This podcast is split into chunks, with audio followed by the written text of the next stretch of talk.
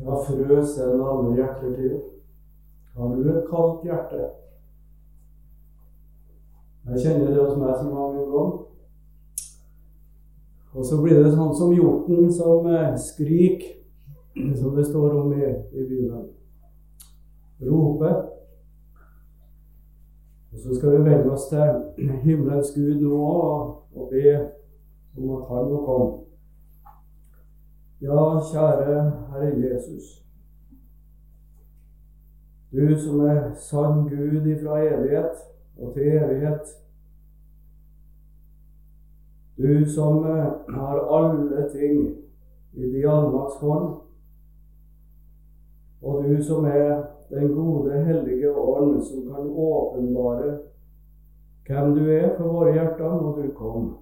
Vi ber om det i ditt navn. Amen. Jesus, sannhetens Gud, har jeg forma som eh, tema for eh, denne timen. Og I går da taler vi om at Jesus er den eneste veien til himmelen. Veien, den eh, bestemte. Og vi taler litt om porten, døra, og at når mennesket kommer, så, så er det stengt. Det er stengt fordi at vi får ikke med oss noe av vårt eget inn i Guds rike. Og så må Jesus åpenbare hvem han er for vårt hjerte. Og det var det som var trangen min med tanke på de her eh, møtene som, eh, som, jeg skulle ha.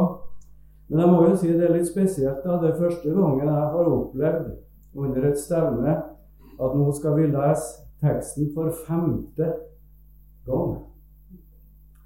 I og med at både Lars Fredrik og jeg har fått samme tekst og samme vers og skal ha tre timer hver over det her verset. Det har jeg aldri opplevd før. Men jeg tror det er noe som Gud vil oss, nettopp med, med det verset og med det avsnittet. Og For meg er det sånn at vi skal lese det om igjen nå, selv om vi har hørt det tidligere i dag òg.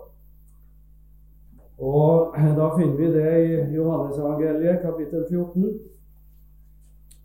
Og det er de seks første versene. Vi leser Jesu navn. La ikke deres hjerte forferdes. Tro på Gud og tro på meg. I min fars hus er det mange rom. Var det ikke slik, da hadde jeg sagt dere det. For jeg går bort for å gjøre i stand et sted for dere. Og når jeg er gått bort og har gjort i stand et sted for dere, kommer jeg igjen og skal ta dere til meg, for at også dere skal være der jeg er. Og dit jeg går, vet dere veien. Thomas sier til ham, Herre, vi vet ikke hvor du går hen, hvordan kan vi da vite veien? Jesus sier til ham, Jeg er veien og sannheten og livet. Ingen kommer til Faderen uten ved meg. Amen.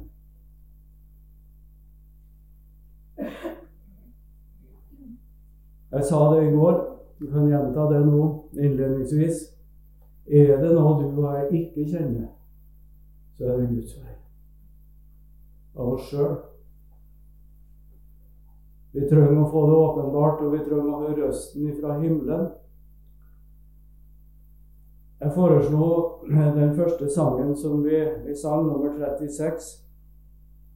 Kom sannhetsånd og vitne giv at Jesus Kristus er vårt liv. Så vi har intet annet vet enn ham, vår sjel til salighet. Men du la kanskje merke til, hvis du grunner litt over det, det må vi gjerne gjøre når vi synger. Se litt på teksten. Og ikke bare bli med i melodien, men grunne litt på det vi synger. Prøv å få det med oss. I det tredje verset Gud Faders ånd kom til oss ned med himmelens ild. Guds kjærlighet. Legg på vår tunge nådens røst Og jeg har tenkt mye på det i senere tid. Alle de åra som jeg har forkynt. Men har jeg vært med og fått formidla røsten fra himmelen.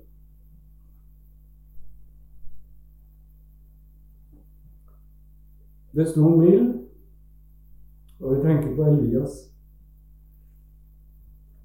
I det kapitlet da det var den veldige kampen og Han syntes nok han sto der ganske alene mot den store hær av skulle til å si hedninger, sjøl om det var men til Israels folk.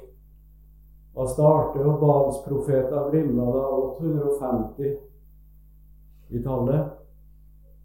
Og så står det i det kapitlet det var ingen røst å høre når de påkalte Gud, som ikke var den sanne Gud. Og så stiger jo profeten Elias fram, og så ber han ei kort bønn. Det har jeg undra meg over. Det var så kort, men samtidig så innholdsrik bønn der han henvender seg til Gud, og så tilsynelatende så enkelt. Men du verden for en kamp som må ligge bak. Nå må du åpenbare deg, Gud.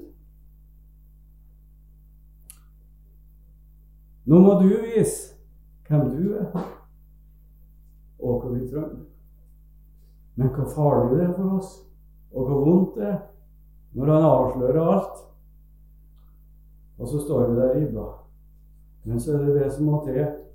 Vi var litt innom det i forrige time òg. Stå framfor sannhetens Gud når Han åpenbarer seg.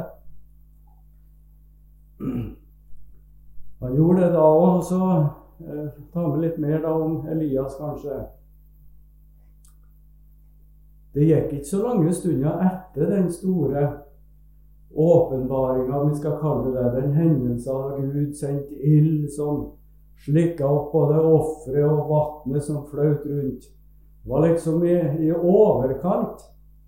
Tenk også å øse over med masse vann på forhånd. Og jeg skulle til å si med, med Asbjørn Aavik, som skriver en av sine bøker, og sløse sånn med vann i ei tørketid. Det hadde vært tørke i tre år. og så ja, hvor fikk de vannet ifra? Sikkert ifra bekken Kison. Men Gud åpenbarte seg. Men så går det en ganske så kort stund, og så finner vi profeten. Langt ute i ørkenen. Hva gjør du her, Elias?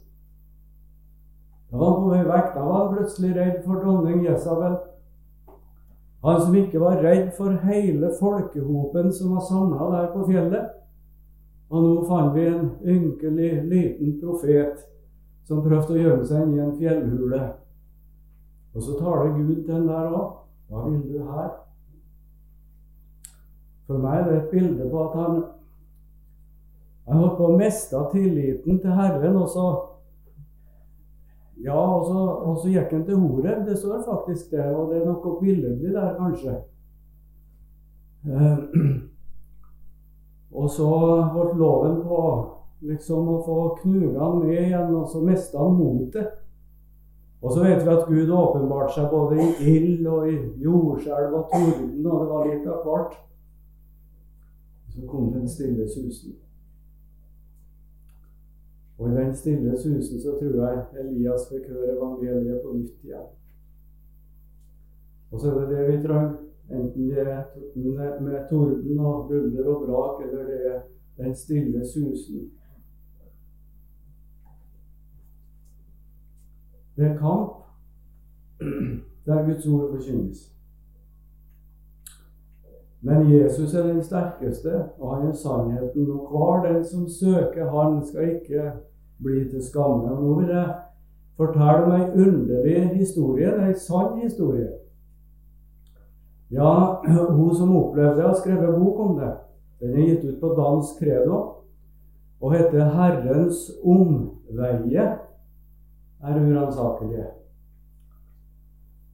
Hun, nå har jeg glemt hele navnet hennes. Jeg prøvde å finne boka før jeg for hit, men eh, det var ikke så lett å finne fram i bokhylla mi. da også. Men jeg, jeg, vet at hun heter Yvonne Pedersen, har et mellomnavn.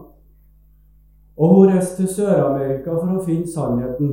Det er jo sannheten som er emnet vårt her nå. Det å finne sannheten. Og med det med henblikk på at vi kan nå fram til den sanne Gud og bli frelst. For det er det det dreier seg om. Hun hadde prøvd alt mulig, hun Yvonne. Vært borti all slags ismer og, og, og, retninger og prøvd det som var. Hun var en søkende. Og dansk som hun var, så prøvde hun òg i forskjellige sammenhenger der. Men hun fant aldri fred med Gud. Hun fant aldri den sanne Gud, men så hadde hun kommet over ei bok der det sto om et tempel i Andesfjella. Og der skulle hun finne sannheten. Og Den boka den leste hun med interesse, og jeg har skjønt flere ganger. og Plutselig en dag så lå det en, en lapp på kjøkkenbordet. Så når Maren sto opp, så sto det bare det at hun var reist. Og han visste ingenting uten å si noe mer. Og Så for hun til Sør-Amerika. Og så vandra hun i Andesfjella i både Bolivia og, og Peru. Nå er jeg ikke helt sikker på, jeg husker ikke på alle detaljer, men om det var i Peru hun begynte. Men i alle fall så hadde hun forvilla seg over til, til, nabolandet og kom ned til en landsby der en gang. og ble nesten satt i fengsel, fordi hun hadde jo ikke innreisetillatelse der den gangen. Men eh, for å gjøre den historien ganske kort Andesfjella er høy. 6768 meter er fjellet Huascaran i Peru. Hun forvirra seg. Det var kaldt. Hun datt, ramla og slo seg, skamslo seg så det var så vidt at det var liv i henne til slutt.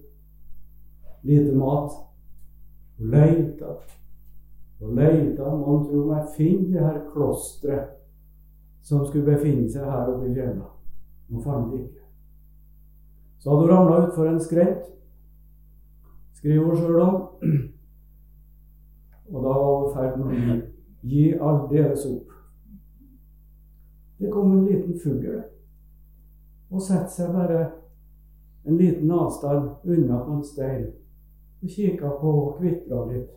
Hun undra seg over det. Hun visste ikke hvor hun skulle ta veien hen. Hun hadde gått seg helt vill. Og så beveger hun seg mot denne fuglen og liksom ta den, så hopper hun et skritt videre. Og så følger hun etter. Så har Gud sendt en fugl for å leve med til folk. Det er helt sant. Hun vitner om det sjøl. Og hvor kom hun ned hen da? Til slutt jo, hun kom ned på et uh, høyfjellsplatå. Marit og jeg og de to eldste har vært med dit til Crosero. Og vi var opp en tur senere. Det var du Ingeborg fikk bli med, da. Jeg husker ikke så Nei, det stemmer. Men i alle fall så har vi vært på den høgsletta på 4150 meter. Det er ganske høyt, det. Det er den mest golde og uh, utsatte eller forblåste plass på denne jord som jeg har sett. Og Der var det en misjonsstasjon, og det er det enda, i Crozero. Og en dag så kommer vi Yvonne ned til denne landsbyen og begynner å spørre seg fram. Og, og kom inn på klinikken der, og det var en norsk misjonær. Ikke i tjeneste lenger nå, men var der i mange år. Norsk lege. Var det tilfeldig? Ble tatt hånd om. Hun fikk bo hos noen misjonærer, og de tok seg av henne. Og så når de gikk på arbeid, så var de bevisst på å legge igjen noen, noen bøker som hun kanskje kunne gripe fatt i og, lese, og etter hvert som hun kom seg mer og mer. Men det var ei bok spesielt som fenga interessen. Ei andagsbok av Carl Fredrik Wisløff. Den leste hun. Så gikk ferden til en by som heter Oliaka, på samme høgsletta, men på 3800 meter. Der bodde hun noen misjonærer som tok seg av og måtte få ordna med papirene sine. Det var jo utgått på dato, både det ene og det andre, men jeg fikk nå hjelpa opp. Og så en dag Så kommer den kvinnelige, enslige misjonæren tilbake der hun da bodde. Du trenger ikke å fortelle meg hva som har skjedd. Yvonne Strålen Da hadde hun funnet fred med Gud. Da hadde hun lest seg frelst. Og da ble det snakk om ganske så fort jeg må hjem igjen. Det er mulig jeg har glemt navnet hans, men jeg tror han heter Knut. Jeg må hjem til Knut. Fortell. Det vet ikke jeg hvordan gikk, men én ting vet jeg, og det har jeg hørt og fått bekrefta. At når hun kom tilbake til Danmark, så inviterte hun Carl Fredrik Wisløff. Han kom der og hadde en hel møteuke på den plassen i Danmark. Herrens veier er uransakelige. For å komme til denne sannheten så kan Gud føre oss på så mange, mange forskjellige måter. Og det som er viktig for oss, det er at vi lærer å kjenne Jesus som den sanne frelser, og at vi en dag kan reise herifra i trua på Han, i forvissning om at jeg er på vei hjem til himmelen. Og så er det mye her i den teksten som vi har, lest, som vi skulle ha stansa for. Du må ikke tro det at om vi har lest den så mange ganger nå, så er det uttømt. Nei, det er så mange fasetter i Guds ord. Det er forunderlig. Jo mer en leser, jo mer ser en hvor, lite en kan, og hvor lite en har sett. Og i min alder så begynner vi å glemme oss om å høre det på nytt igjen. Enda mer. Men det er noe her, det er en trøst her til Guds folk. Merk deg det, for det første. Jesus trøster disiplene, står det. Denne trøsten som vi møter i kapittel 14 i Johannesevangeliet La ikke deres hjerte forferdes. Det er kun til deg som hører Jesus til. Hvis ikke så blir det en falsk trøstegrunn, og da kan du gå fortapt. Merk deg det hvis du ikke kjenner Jesus og er kjent av Han. Det er noe av det første og det viktigste vi skal merke oss i den teksten. Og det andre er den sannhet at jo, sannhetens Gud har gjort i stand en plass for sine. Det er lett å komme i tvil om det. Midt i kampen og striden under vandringen her, så kan målet bli så diffust for oss, for det er så mange ting som trykker og gjør det mørkt og vanskelig. Og så måtte jeg gå til Johannesevangeliet i starten der i kapittel 1. Og så fant jeg trøst som jeg òg har lyst til å dele med dere som er her på Lavberget nå i formiddag. For i det mørket som Han sender oss inn i, og som vi kjenner også mer og mer i vårt eget indre I den situasjonen så er det nemlig et lys, og det er lyset i bestemt form. Og hør hvor det står i Johannes 1, 5. Vi har hørt tidligere fra de fire første versene i dag, men nå er det det femte. Og lyset skinner i mørket og mørket tok ikke imot det. Ser du for deg den situasjonen? Gud sender et lys, og har sendt et lys, og det er Jesus som er lyset. Og han lyser vedvarende til tross for alt mørket. Fysiske lover til, tilsier jo det når vi kommer inn i et rom, ikke sant, så enten så eh, Du slår på lyset, så det er lyst. Slukker du lyset, så kan det bli mørkt. Men, men det her lyset fra himmelen, det fortsetter å lyse det til tross for mørket. Og jo mørkere det blir, det skarpere er det, her lyset. Du som har det mørkt, vet du da at du har et lys? Jesus Kristus. Han er alltid det trenger for himmel og jord. Ja, men det ser han ikke. Han er der likevel. Han gir sitt ord. Og så står det og lyset skinner vedvarende i mørket. Tenk at et sånt lys kom til verden for å gi oss frelse og evig liv. Og så leste vi og mørket tok ikke imot det. Nei, vi kunne ikke ta imot det, vi. Vi er fortapt. Vi forstår ikke oss på det. Jødene gjorde det heller ikke, men en dag så skal det bli åpenbart. Det skal bli en underlig dag når vekkelsen kommer til Israel. Det er nesten så jeg håper på at jeg lever når den tid kommer. Det er ikke så godt å si hvordan det skal bli. Om bortrykkelsen kommer snart, og, alle disse begivenhetene som vi venter på. Men så kan den siste delen av setningen, verset, oversettes også på en annen måte. Og det syns jeg er så, så trosstyrkende og godt. Og det vel Martin Luther som har oversett det sånn. Mørket fikk ikke bukt med det, altså lyset. Altså Mørket kan ikke overvinne lyset. Det nytter ikke. Det som jeg sa, Jesus er den sterkeste. Satan han er bare en, en lenkehund som ikke kan gå lenger enn det Gud tillater. Tenk det, du, i vår situasjon nå. Jeg forsto at dere fikk høre litt om det på en av timene i, i går. Da hadde ikke vi anledning til å være vi måtte i, i en begravelse. Men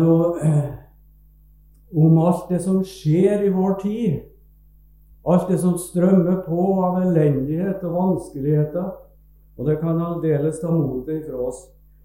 Men merk deg mørket kan aldri få overmakt, få bukt med lyset. Nei, det stråler like fullt. Det er det sanne lys, som det står i vers 9, som opplyser hvert menneske. Da det her ble skrevet, da var det akkurat i ferd med å komme til verden. Det var Jesus. Og Da var det fint med den eh, sangen som òg eh, ble foreslått.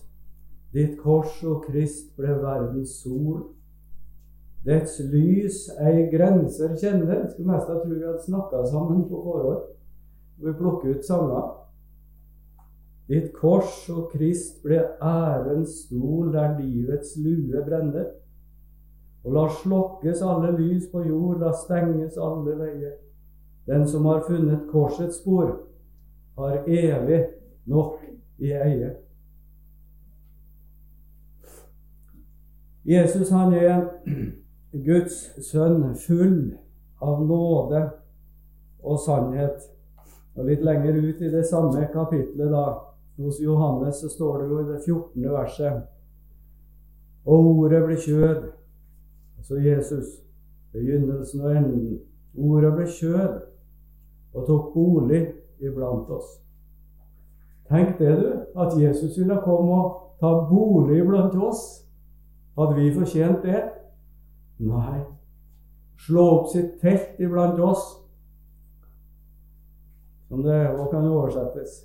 Tenk han ville bo hos det som er lavt i verden, det som er ringe, det som ingenting er, det som er fortapt. Han kom for å frelse det. Ordet ble kjød og tok bolig blant oss. Han, Guds sønn ifra evighet, ble sant menneske. Vi kan ikke begripe det. Det svimler for tanken. Og så vitner Johannes, da, eh, liksom på vegne av eh, disiplene ellers òg, vil jeg tro, apostlene.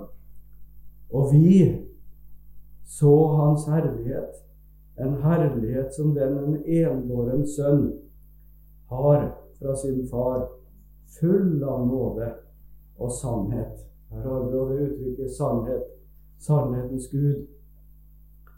Det er den fullkomne åpenbaring av Guds evige råd til frelsede. Ja, han kom med sannheten. Med Guds kjærlighet til elendige og hjelpeløse. Det gjelder deg òg. Og Johannes evangeliet har jo nettopp som hovedtema at Jesus er Guds sønn, full av nåde og sannhet. Han er kommet for å gi verden liv, virkelig liv, som fås ved trua på Han. Og så er det jo da et spørsmål hvordan skal vi lære å kjenne, hvordan skal vi få, få ta imot denne sannheten. Det sitter kanskje noen her og undres på det. Jo, eh, vi skal ta med oss eh, Johannes evangeliet 8,32.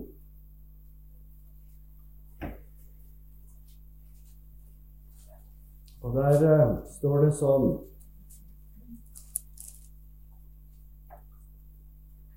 Og dere skal kjenne sannheten, og sannheten skal frigjøre dere. Eh, det er jo Jesus som er sannhet. altså Vi kunne ha lest det på den måten òg. Dere skal kjenne Jesus, og Jesus skal frigjøre dere. Og så står det i verset forut Dersom dere blir i mitt ord, da er dere i sannhet mine disipler. Altså Det er noe som skjer i møte med Ordet når vi blir i Guds ord. Vi kan godt si det på den måten om du er her som ikke har lys over det her. Det kanskje aldri sett at Jesus er din, din frelser. Aldri fått tro det, aldri fått gripe det, men eh, nå har du kommet dit hen at du ønsker det. Kanskje er det ditt største ønske. Ja, hvor skal vi si da til det? Gå til Guds ord. Og bli der og, og trygle Gud om at han må vise deg Jesus. Jeg trodde han vil gjøre det. Ja, det er jeg overbevist om. Dersom dere blir i mitt ord, hvis dere blir i mitt ord med den trangen og vil kjenne sannheten, få det åpenbart, så er jeg overbevist om at før eller senere så skal lyset demre for deg. Jeg har lyst til å si til deg for Guds ord, det er et sånt ord som kan frelse. Og da er det sånn at eh, det er noen ting i dette ordet som eh, etter hvert kommer til å bety mer og mer og mer for oss. Og det er det som eh, fortelles om Jesus. I første omgang, i møte med ordet, så, så lærer vi å kjenne oss sjøl.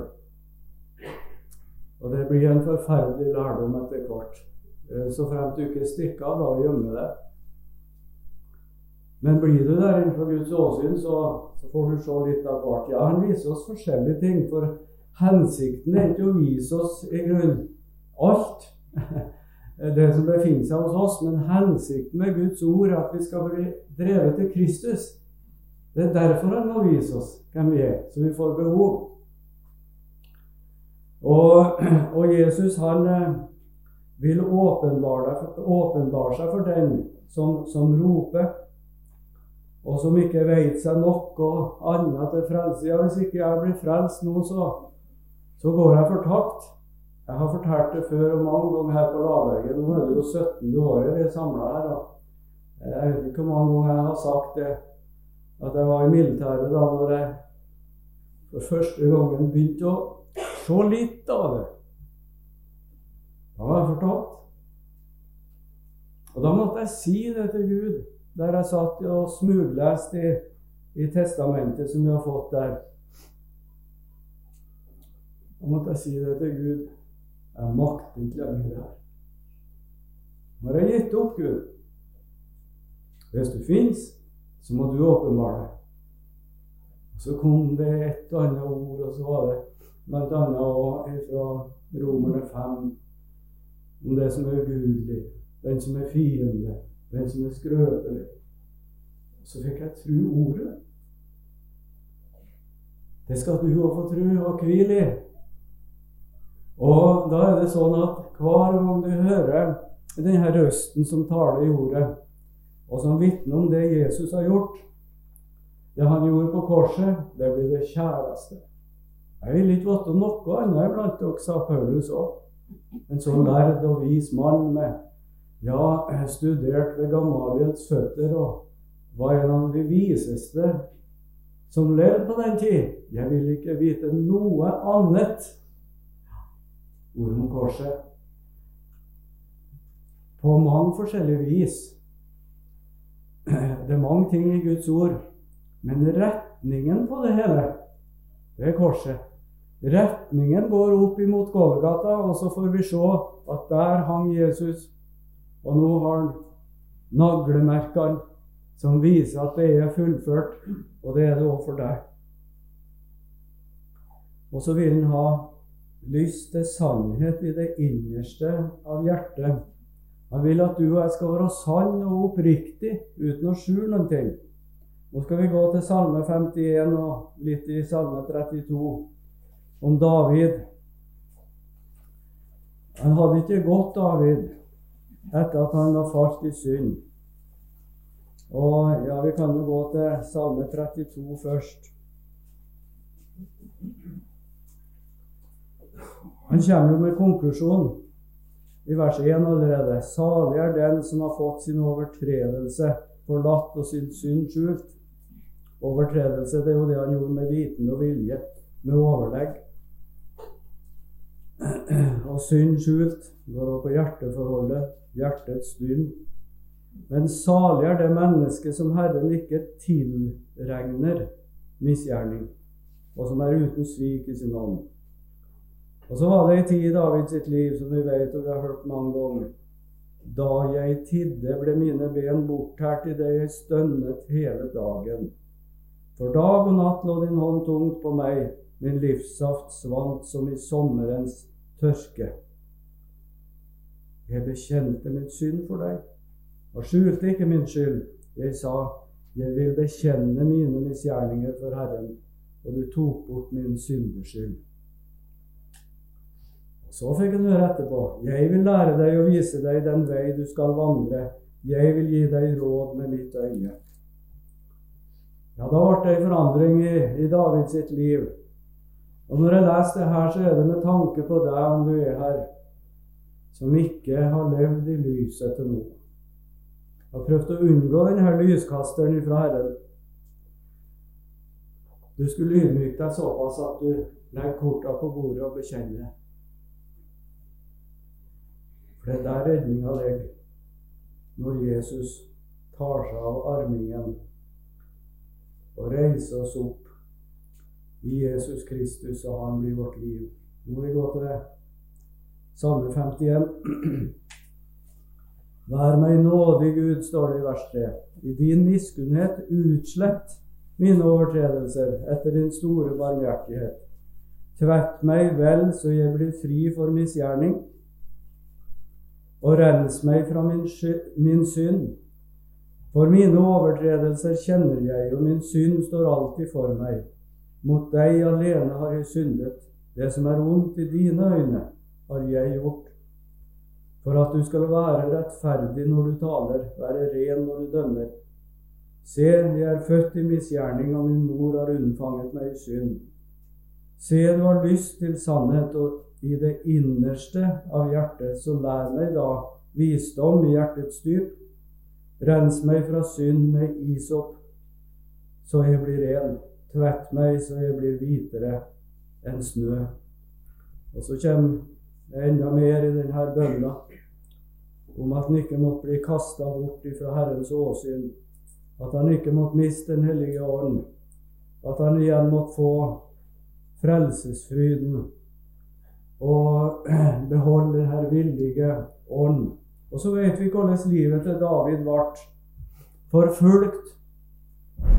Han har Saul i hælene. Dere som har vært i Israel, har kanskje vært til en Geddi og sett de disse hulene som, som, vises i fjellene der. Og de forteller at der var David på flukt, og Saul etter skulle ta livet av ham.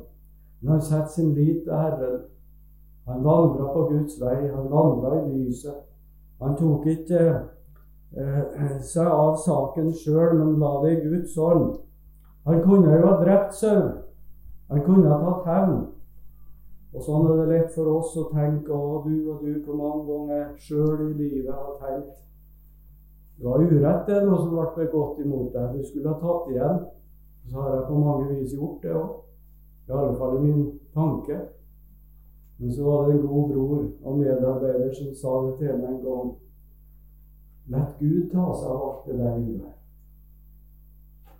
Begynn å be for dine fiender. Håper det løste meg. Sånn er det noen andre i Jesu åsyn. Han vil ta seg av saken. Jeg nevnte at det er en, en åndskamp, og den onde han, han legger ikke på latsida, han heller. Og så står det i 2. Tessalonikerbrev 2, vers 3-12. Skal vi ta med oss et lite avsnitt der? 2. Tessalonikerbrev 2, 3.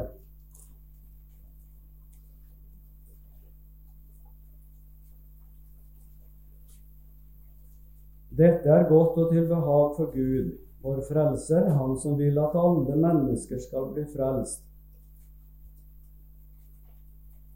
og komme til sannhetserkjennelse. Skal vi se nå Og så står det Ja, det er jo det vi har snakka litt om nå. Eh, da var vi første til Salonikerbrevet. Beklager De andre Tessalonikerbrev. Vi var i Timoteus, Ja, men jeg har lagt inn et sånt lite merke, og da kom jeg på feil side. Andre test 2. Vi leser om igjen. La ingen bedra dere på noe vis. Der har vi det. For først må frafallet komme og syndens menneske bli åpenbart, fortapelsens sønn. Han er den som står imot, og som oppbøyer seg over alt som blir kalt Gud eller helligdom, så han setter seg i Guds tempel og utgir seg selv for å være Gud. Minnes dere ikke at jeg sa dere dette da jeg ennå var hos dere? Og nå vet dere hva det er, det som holder igjen, slik at han først skal bli åpenbart når tiden for dette er inne. For lovløshetens hemmelighet er alt virksom, bare at den som nå holder igjen, må bli tatt bort. Eh, jeg skal ikke si noe om så mye det, det avsnittet der, men så står det i vers 8.: Da skal den lovløse åpenbares, han som Herren Jesus skal ødelegge med sin munns ånde, og tilintetgjøre når hans gjenkomst åpenbares i herlighet. Den lovløse kommer etter Satans virksomhet med all løgnens makt, med motsetninga til, til sannheten, og tegn og under. Det skjer med all urettferdighetens forførelse blant dem som går fortapt fordi de ikke tok imot kjærlighet til sannheten, så de kunne bli frelst. Derfor sender Gud dem kraftig villfarelse, så de tror løgnen, for at de skal bli dømt, alle de som ikke har trodd sannheten, men hadde sitt behag i urettferdigheten. Ja, vi kan undres på hvor lenge dette han blir åpenbart. Han kommer til syne. Og så satt jeg her og leste en dag noen underlige vers i første Mosebok. Nå blir det her kanskje litt utenom emnet, men, eh, men jeg tror jeg tar det med. I første Mosebok Vi hørte jo i går om, om Jakob.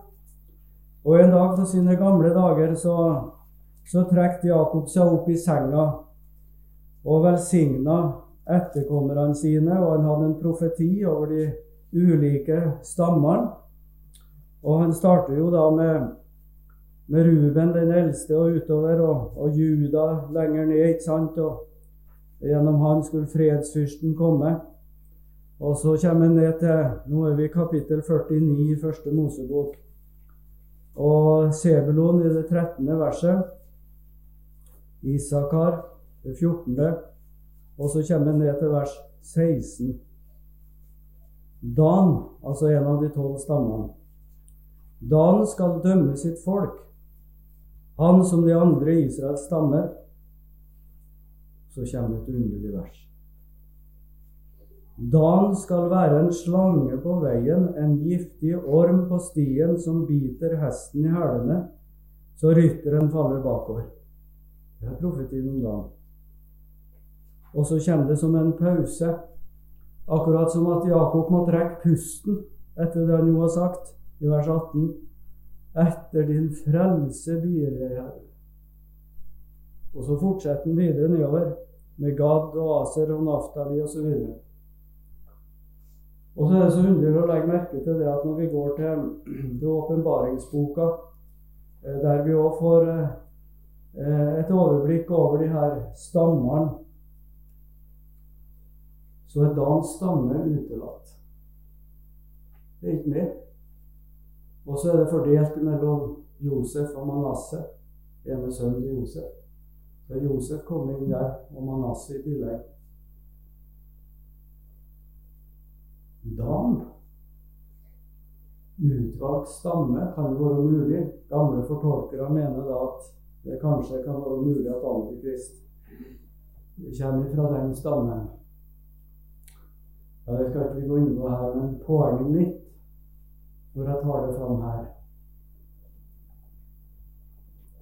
En av dem i folden, Judas, en av de tolv Og vi opplever i vår tid, i forsamlingene rundt omkring, våre egne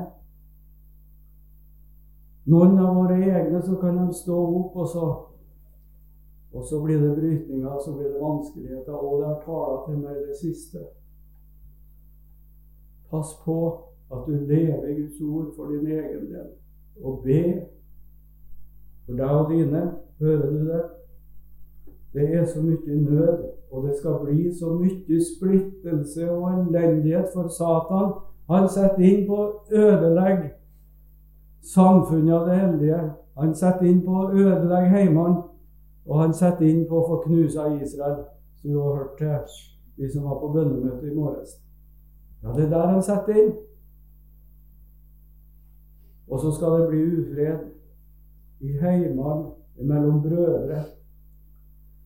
Og det gjelder om å vandre i sannheten og iføre seg lysets våpen, evangeliet, rustningen, til å stå. Paulus han han eh, tilskynder Guds folk til å stå støtt og holde fast på den lære vi er blitt opplært i, og vente på Kristus med tålmodighet. Herren Jesus han vil styre våre hjerter, det det han ønsker.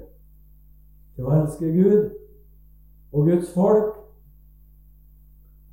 og vente på Jesus Kristus. Og så må vi spørre hvordan er ditt forhold til sannheten? Hvor står du hen? Det er noen som er likegyldige til sannheten. Andre de frykter og rømmer unna sannheten. Noen hater sannheten, vil heller leve i løgna. Men så er det noen som elsker sannheten etter sitt nye menneske og ønsker å vandre etter denne sannheten. Men da blir det forfølgelse. Det skal jeg love deg. Så har jeg gått og tenkt litt på det. Det var kanskje litt springende, det her men det, det er en tråd i det, håper jeg. Og det er det at um, i denne tid, der det, det står en sånn kamp om sannheten og Jesus snart skal komme igjen, så må du aldri felle for den fristelsen og tro at du er en gang for alle frelst. Da har du en slags garanti. Det er farlig å tenke den tanken. Begynt er ikke endt. Og så har jeg lyst til å si til deg, du som eh, opplever striden på nært hold hvordan, eh, hvordan er det for deg? Du kan tenke på din situasjon og jeg på min. Hvordan lever du i, i heimen? Hvordan lever du blant dine egne? Hva har de å si om deg og meg? Det er der prøven står. Om en vandrer i sannheten, om en vil stå i sannheten.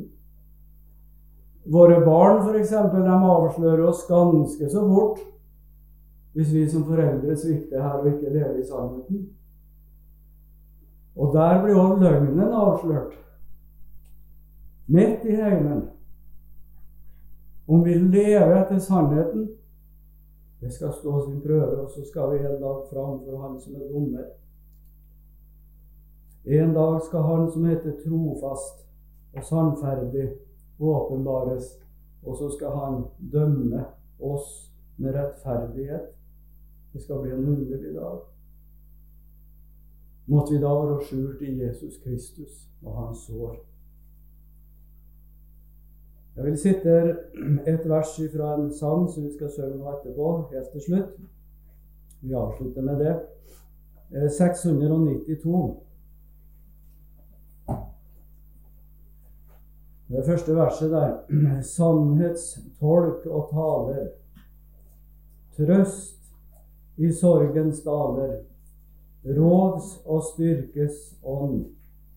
Sterke guddomsfinger, fredens overbringer. Liv i dødens land. Gi oss kraft og livsens saft. La oss eie himmelens glede. Rikelig er nede. Ja, vi kan ta med litt fra vers 3. Og himmellys la skinne. Når du letter skien i heimen din i andakt, bibellesing, i samtale med dine barn Himmellys la skinne. Nådebrønn la rinne. Vann for tørstig sinn. Nådesalve leg meg. Himmelmakt beveg meg. Led til Gud meg inn. Ja, det er det det står om. Kjære Jesus, må du bevare oss i din sannhet, du som er sannheten. Og må du se til oss som er samla her, Jesus, og alle våre, at ikke vi blir stående etter på veien eller kjent en stengt himmeldør. Forbarm deg over oss, Jesus, så vi blir frelst. Amen.